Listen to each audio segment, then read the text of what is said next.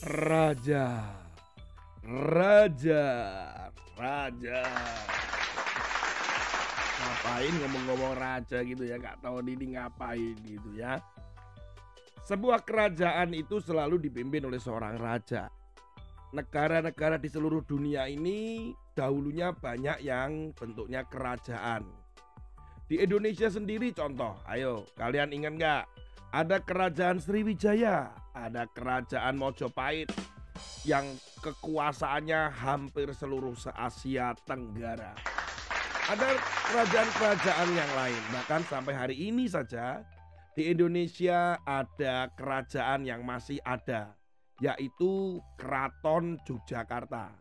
Di mana pemerintahnya itu atau yang menguasai itu disebut sebagai sultan. Sampai hari ini masih ada sehingga disebut sebagai daerah istimewa Yogyakarta dengan sistem kerajaan atau kesultanan di situ. Di negara-negara lain juga masih ada. Contohnya Inggris. Nah, itu juga itu masih dalam bentuk kerajaan. Pemerintahan yang dalam bentuk kerajaan disebut sebagai pemerintahan dalam bentuk namanya monarki. Biasanya monarki atau bentuk kerajaan itu seiring dengan perkembangan pemerintahan akan bergeser, bergeser, bergeser sampai sekarang berbagai macam bentuk pemerintahan. Salah satunya bentuknya republik, ada juga komunis, ada juga yang bentuknya yang lain-lain lah pokoknya gitu. Kenapa kerajaan itu kok banyak nggak disukai? Karena biasanya raja yang ada yang memimpin, wah kalau baik nggak apa-apa ya, seneng sekali. Tapi kalau rajanya jahat, sombong, wah kalian sekali. Ngomong-ngomong masalah tentang kerajaan ini beberapa waktu yang lalu raja terakhir ini mantan raja terakhir kerajaan Yunani dulu dulu. Kenapa? Karena Yunani menjadi kerajaan dulunya berakhir di tahun 1974 karena sebuah referendum.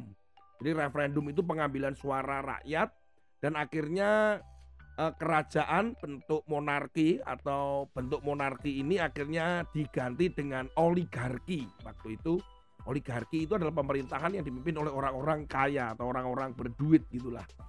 Nah, atau orang berkuasa. Nah, raja terakhir pada saat itu adalah Konstantin. Beberapa waktu lalu mantan raja Konstantin ini meninggal dunia di usia 82 tahun di rumah sakit di Antena. Antena, gimana sih Antena? di Athena, oh Antena, ya di Antena memangnya TV ya. Tetapi mantan raja ini akhirnya dimakamkan sebagai warga biasa di Tatoi, bekas tempat peristirahatan kerajaan Yunani sekitar 20 km utara Athena. Itu adalah keputusan dari Perdana Menteri Kriakos Mitsotakis. Dia menganggap bahwa ya memang bukan raja lagi, jadi dia dikuburkan dengan upacara biasa saja atau mungkin bahkan menjadi orang biasa di tempat pemakaman seperti itu. Nah, si mantan Raja Konstantin ini sendiri dia hidup di pengasingan ketika pemerintahan saat itu di tahun 1974 berganti. Raja itu saat itu Konstantin langsung tinggal selama beberapa puluh tahun di pengasingan. Kasihan ya. Aduh, tapi kalau ditepuk tangan kasihan, hidupnya menderita.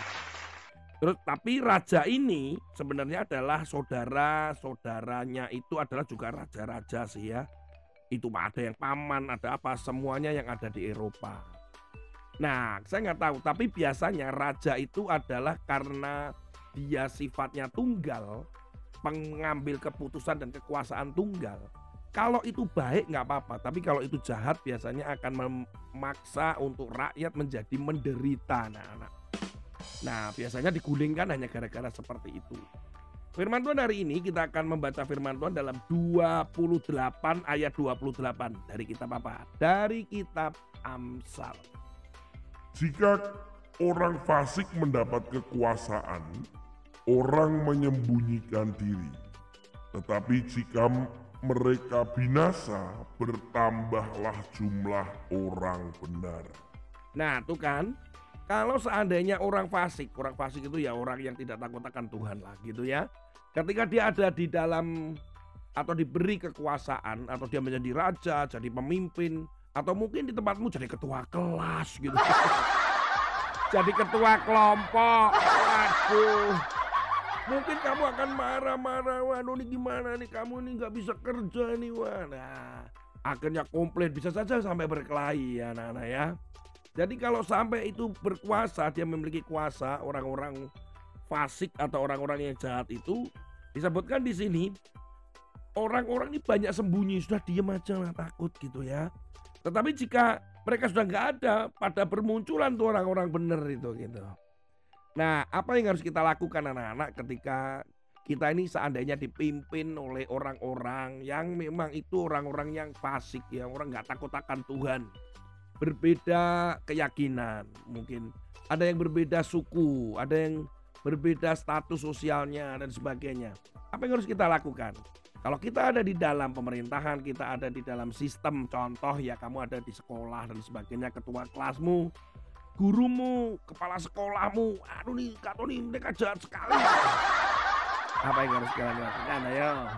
Apakah kalian melawan kemudian melempari atau kalian kemudian membantah? No no no no no nggak gitu nggak gitu. Kita tetap harus mendoakan dan tetap harus sabar.